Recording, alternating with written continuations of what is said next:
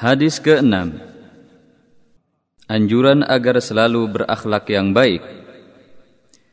عن عائشه رضي الله عنها ام المؤمنين قالت سمعت رسول الله صلى الله عليه وسلم يقول ان المؤمن لا يدرك بحسن خلقه درجه الصائم القائم Dari Aisyah Ummul Mukminin radhiyallahu anha ia berkata, Aku pernah mendengar Rasulullah sallallahu alaihi wasallam bersabda, Sesungguhnya seorang mukmin dengan akhlak terpujinya akan mencapai derajat pahala orang yang berpuasa dan sholat malam.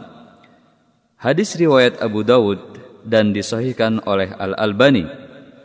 Perawi hadis lihat hadis nomor 5. Beberapa faedah hadis ini adalah akhlak yang baik bertalian dengan iman. Setiap keimanan terpatri dalam hati seorang muslim, maka baiklah akhlak dan perilakunya.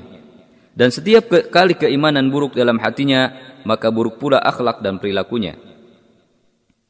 Akhlak yang baik merupakan sarana untuk mendekatkan diri kepada Allah Subhanahu wa taala dengan keimanan dan amal soleh.